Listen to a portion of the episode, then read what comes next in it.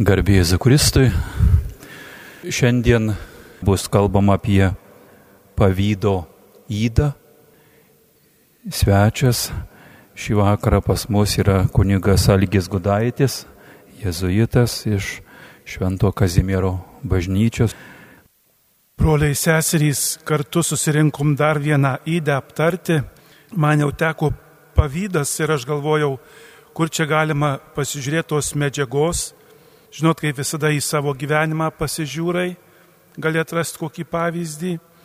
Dar kokiam nors internete randi ir jau susidaro nemažai lapų.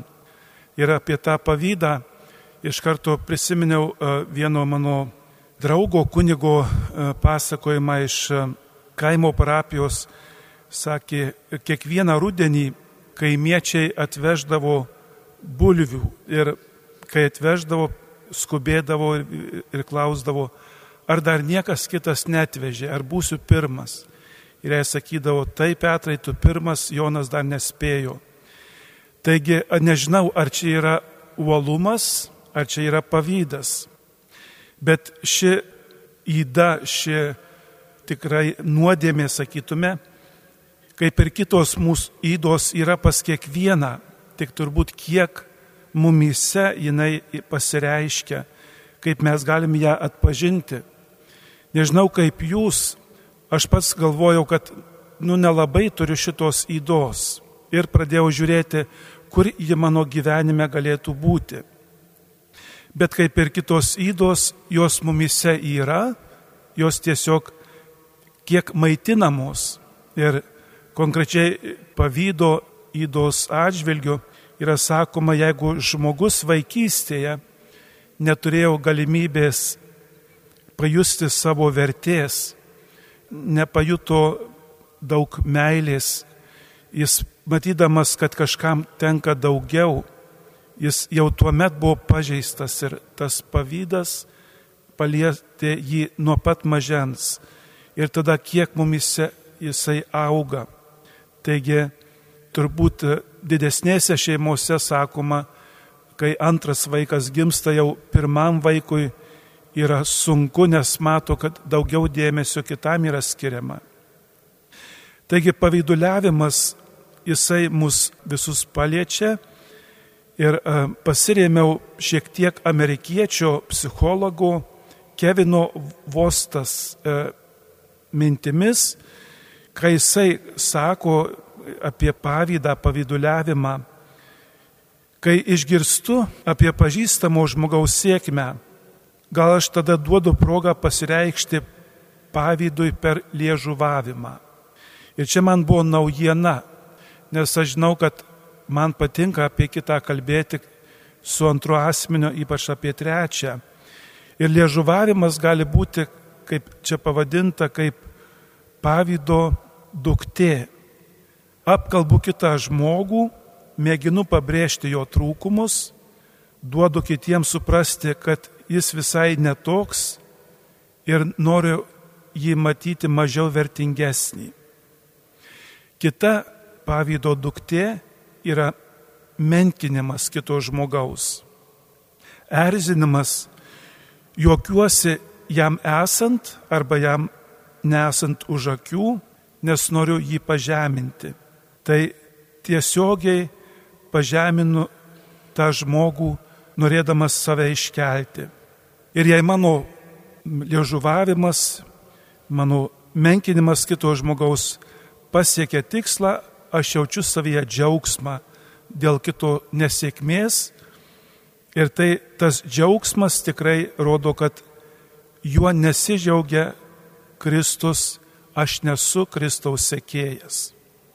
Taigi štai dvi dukterys ir kaip ir aš pats pagalvojau ruoždamasis ir mes pažiūrėkime į savo santykius, kiek apie kitus kalbu, ką kalbu ir kiek kitą žmogų nuvertinu. Pavydo pavyzdžiai iš gyvenimo, kurie labiausia pasireiškia būtinai santykiuose, ypatingai kai susipažįsta vaikinas su mergina, romantiški santykiai, užtenka kuris nors į kitą asmenį pasižiūri ir to išvelgia grėsmę santykiams. Bet nebūtinai tik tarp vaikino ir merginos. Mes turime draugų, turime kaimynų ir matydami, kad kažkas daugiau su kitu asmeniu pabūna, pakalba, savyje išgyvenu tą jausmą, pavydą. Kita vieta, kur mes tikrai pajuntame tie, kurie dirbame, tai darbo vieta. Pavydas kyla, kai matau grėsmę savo padėčiai, savo statusui. Tikrai šitą pavojų turi Seimo nariai, dėl to įvairiausi kyla nesutarimai, noras užimti aukštesnę vietą, noras laimėti.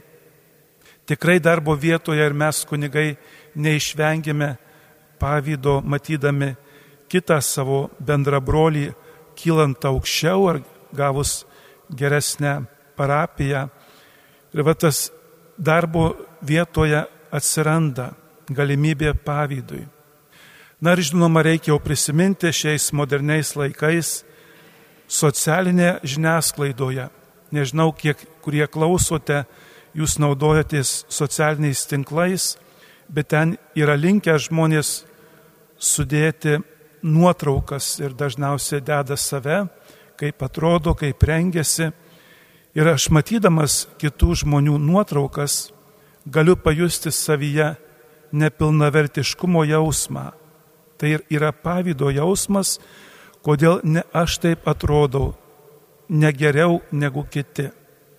Ir žinoma, dar viena vieta, aš manau, nemažai iš mūsų tai patyrė ar patirs, kai yra dalinamas palikimas, kai mūsų artimieji, mamos, tėčiai iškeliauja, turi turto ir bando dalinti, štai čia ne, vienas, ne viena šeima susipyksta.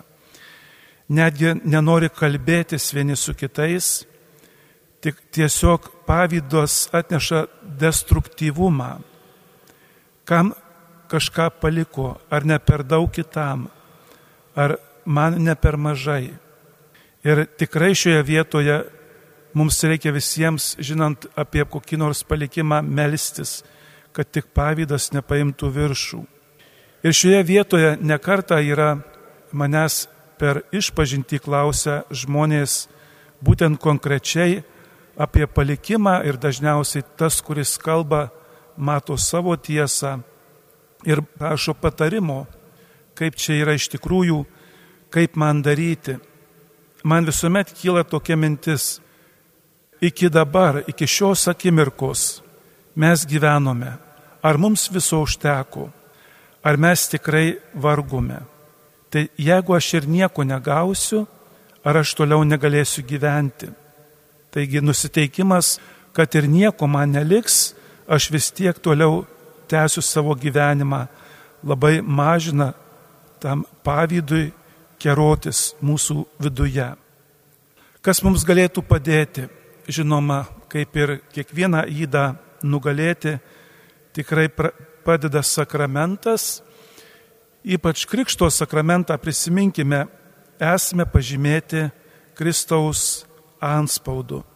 Ir būtent šiuo Kristaus atspaudu pažymėti ir mano krikščionys broliai seserys.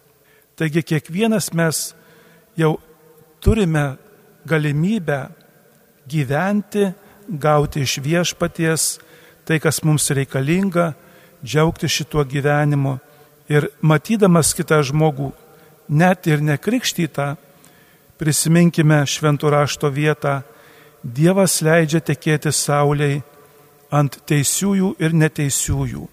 Taigi visiems priklauso tai, kas yra pasaulyje ir mano noras turėti daugiau, geriau vėl atneša manyje destrukciją.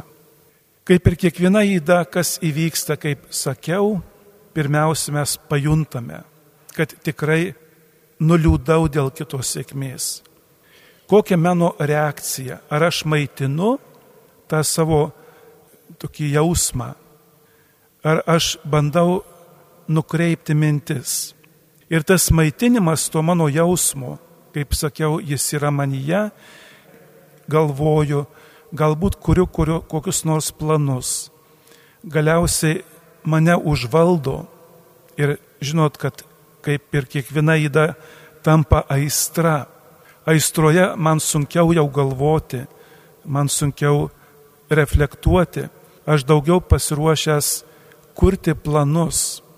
Ir tikrai yra skaudu, kai mes išgirstame pavyzdžių, kai šeimos tėvas pavyduliaudamas savo žmonai, matydamas galbūt ir buvo tikslas, gal ne, nušauna žmoną savo ir pats nusišauna, bent keletą pavyzdžių esu pats girdėjęs. Taigi pavydas, kai tampa aistra, visiškai gali naikinti ir mane, gali naikinti ir kitą žmogų.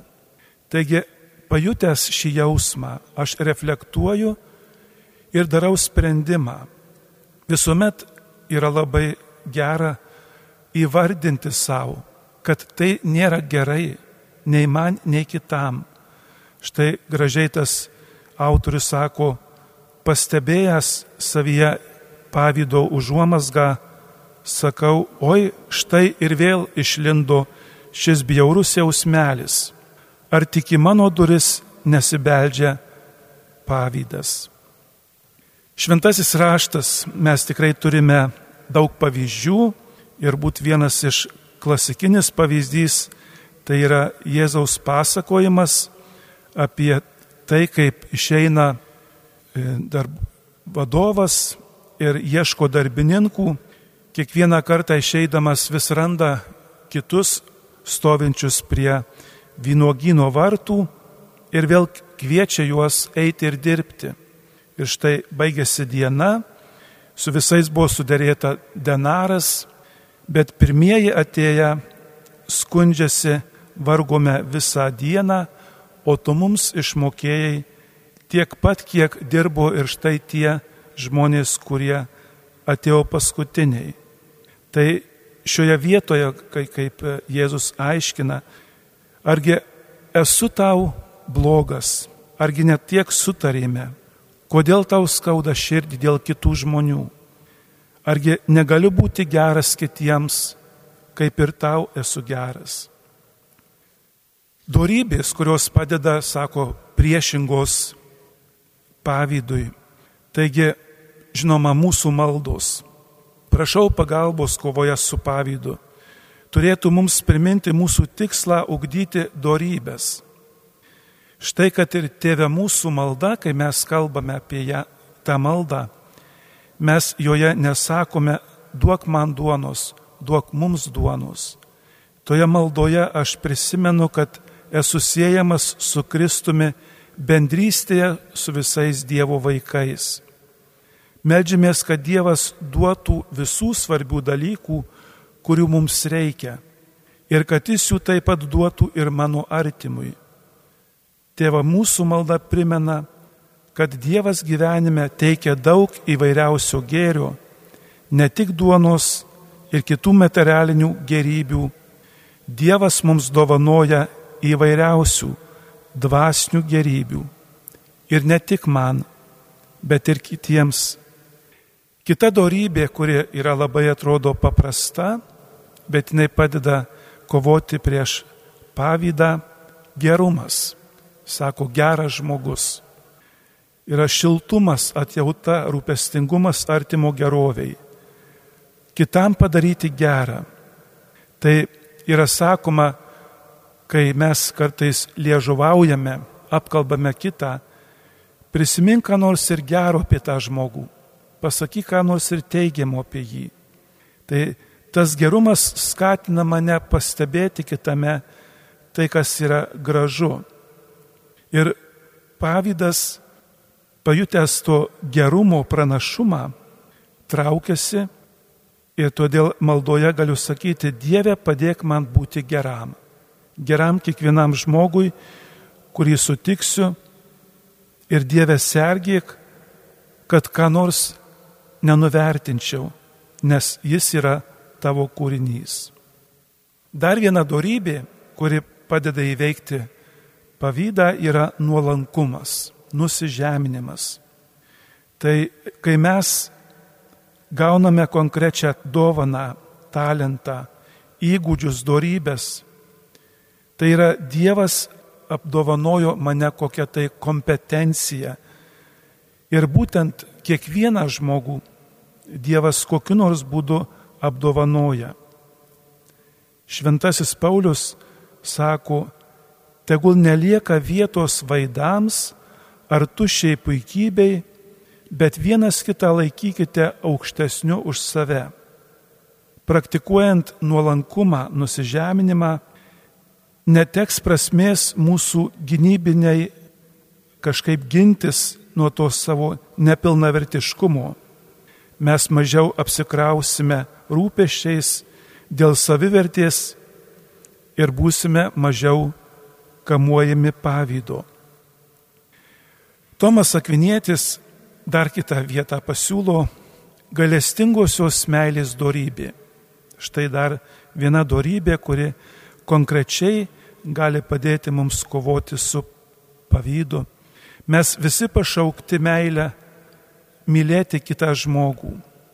Ir jis gailestingą meilę Tomas Akvinietis palygina su didelės krosnies liepsna. Tie, kurie yra arčiau prie krosnies, tai yra mūsų šeimos nariai ir artimiausi draugai, natūraliai gauna daugiau šilumos. Bet kuo didesnis mūsų meilės žydinys, tuo plačiau pasiekia jo šiluma, kartais sušildydama ir nepažįstamų žmonės ar netgi priešus. Mes turime pripažinti ir tai, kad kuo karštesnė mūsų meilės liepsna, tuo daugiau jai tenka iš malkų išgarinti pavydo drėgmės. Būdami krikščionys katalikai, mes turime atminti, jog tikėjimo išpažinime išpažįstame šventųjų bendravimą. Šventieji danguje ir būsimieji šventieji skaistykloje ir žemėje yra mūsų vaikai ir tėvai, mūsų broliai ir seserys. Kaip Kristaus kūno nariai mes esame artimais ryšiais susaistyti su šeima kurioje bet kuriam tenkantis gėris turėtų šypsenomis nušviesti visų kitų veidus. Netgi kenčianti bažnyčia, štai dar viena dorybė, kurią mums galime, kai melžiamės už skaistykloje esančius, kur yra kenčianti bažnyčia, mums padeda kovoti prieš pavydą.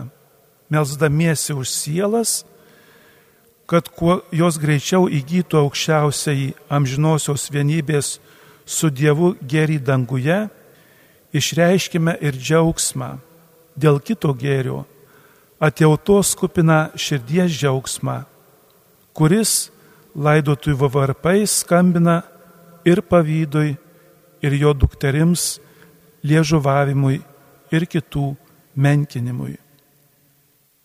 Ar mes nepavydime Kristui? Štai dar viena tokia tema. Ir žinot, kai skaitome šventą įraštą, iš tikrųjų fariziejai, rašto aiškintojai, žmonės, kurie troško Kristui mirties, tikrai nemažai savo širdyje išgyveno tą vadinamą pavydo jausmą. Žmonės pavydėjo jam galių, pavydėjo, kad jis yra pranašesnis už kitus, kad jam sekasi kitus gydyti, daryti stebuklus, užuot džiaugiasi, kad Jėzus pildo šventojo rašto pažadus, tačiau liejo ant jo pavydą su visomis šio pavydo dukterimis, ypatingai paskutinėje pikčiausiąją dukterį, kitą, kuris man neprimtinas, kuris mane konkuruoja sunaikinti, nužudyti.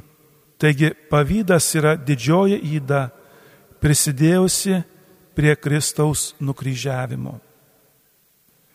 Labai konkrečiai kiekvienas galėtume turėti tokį vadinamą sąžinės peržvalgą, pažvelgti į save, tai kaipgi yra manyje tas pavydas atsiradęs, auga, ar aš su juo gražiai taip labai kovoju, Taigi žvelgiu į žmonės, kurie aplink mane ir džiaugiuosi jų buvimu šalia manęs, ar man ateina liūdnumas.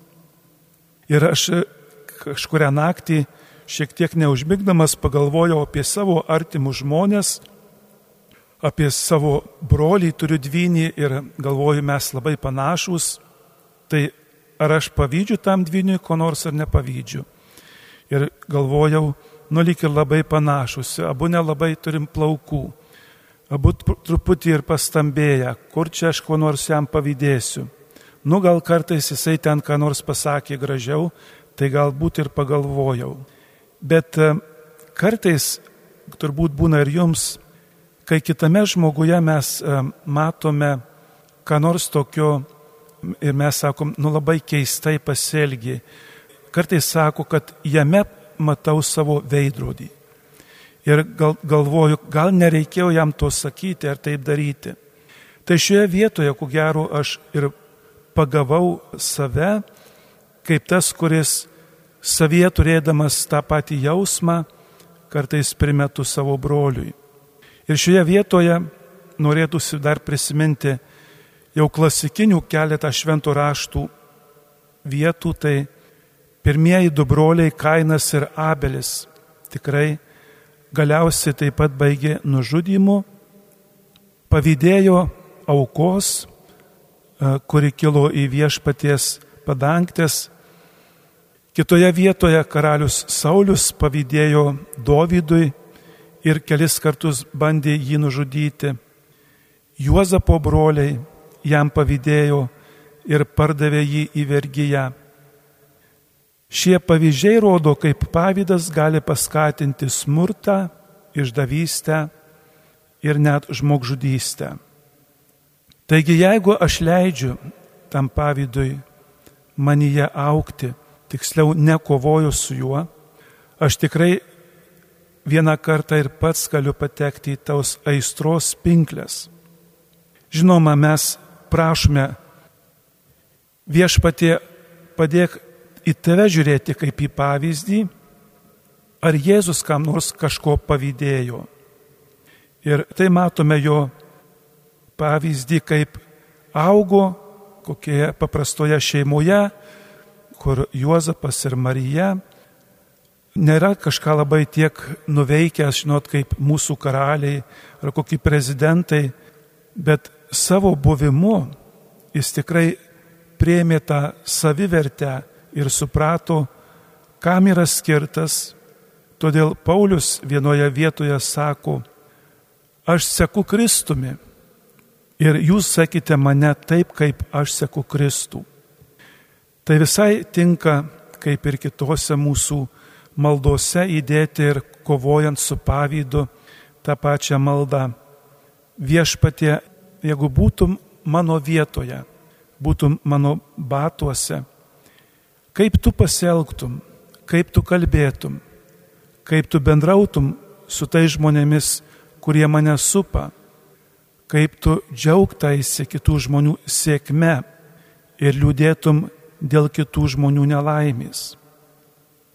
Tokiu būdu, žiūrėdamas į Kristų kaip pavyzdį, aš galiu bent kažkiek savo širdyje tą, žinot, pavydą šiek tiek sumažinti.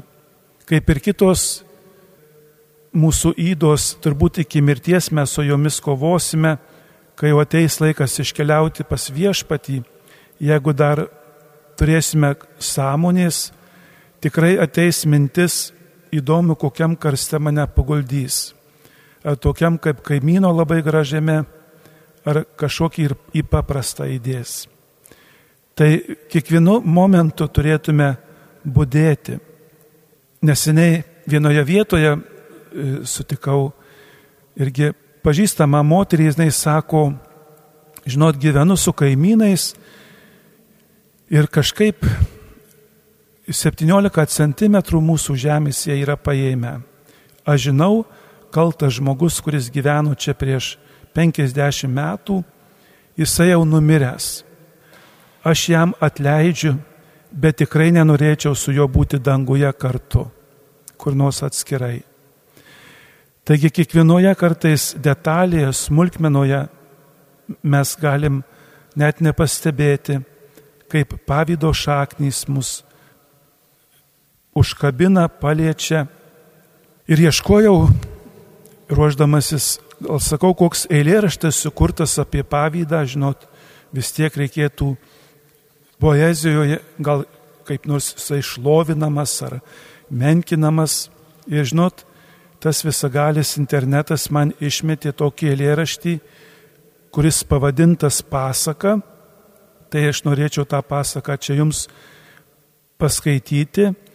Tai e, Kostas Kubilinskas yra parašęs. Oi godi, labai godi, buvo gopšė pavydi. Vos išbėgs tik tai kieman, viskas mano, viskas man tėtis obolį parneš, pusę jai pasiūliau aš. Visą klykę ji balsu. Pamanykit, kaip baisu, kai iš darbo grįždama kreušę parnešė mama. Pusę jai pasiūliau aš, ne, tuoj gopšė nusigręš. Visą klykę ji balsu Pamanykit, kaip baisu. Oi, godi, labai godi, buvo gopšė pavydi. Ir todėl tu paklausyk, kas nutiko vieną syk. Girdi gopšė, kad diena, kad saulutė divina, lygiai šildanti visus. Ir pavydas toks baisus, gopšę apimė slapta. Ne, saulutė apskrita turi šildyti tik ją, pakabintą troboje. Kartą žaidė į kieme, žiūri rytasi žemė, rausvas saulės kamuolys, kaip didžiulis obuolys. Ir palikusi vaikus, dume gopšė per laukus, jis saulutę nuraškys, ir jei šviesti įsakys, tik jos gopšės troboje, aukštoje palubėje. Bėga gopšė vakare, priešai smėlyną gire, gopšė girion vis gilin, saulė rieda vis tolin, iš pavydo gopšė čia pasiklydo ir nakčia, ji iš girios nebylios ieško kelio atgalios o aplink labai tamsu, o aplink labai baisu.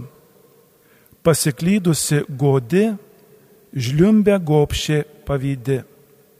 Ir per naktį drebėjoji, ir per naktį kalbėjoji, jei lik ryto prasėdės, niekam ji nepavydės, kreušių anei obuolių, nei saulutės spindulių.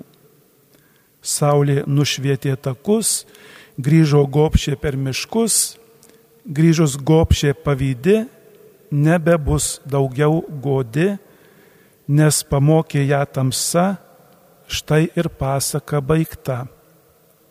Surašyta į pasaką, bet jeigu mes prisimintume tikrai tas akimirkas, kai išgyvenome savyje pavydą artimui žmogui, nežinau, kaimynui, mes tikrai prisiminsime tą susiaurėjusi žvilgsnį. Aš tuo metu tik, tik tai galvoju apie tai, aš kuriu įvairiausius planus. Aš leidžiu mano pavydui aukti, naktimis nemiegu. Jeigu kažkam sekasi, aš pykstu. Ir tikrai kiekvieną kartą, kai aš leisiu pavydui aukti, Jisai atneš tai, ko galbūt aš ir nenorėsiu, nesitikėsiu. Ir nedaug Dieve, kad vėl kas nors baigtųsi pačiu žiauriausiu, netikėčiausia išvada. Taigi šalia visų mūsų kitų įdų, e, kurias jūs bandėte aptarti, šiandien prisiminėme pavydą, yra gera paimti kurį nors vakarą susirašyti žmonės, kuriuos aš pažįstu, kurie man artimi, juos prisiminus pagalvoti apie jų gyvenimą ir pajusti, jaučiu aš džiaugsmą dėl jų, ar liūdėsi dėl kokios nors sėkmės. Ir tiesiog savo sudėti pliusus, minusus, galbūt kur nors manyje yra to pavydo, kuris po truputį auga, kerojasi.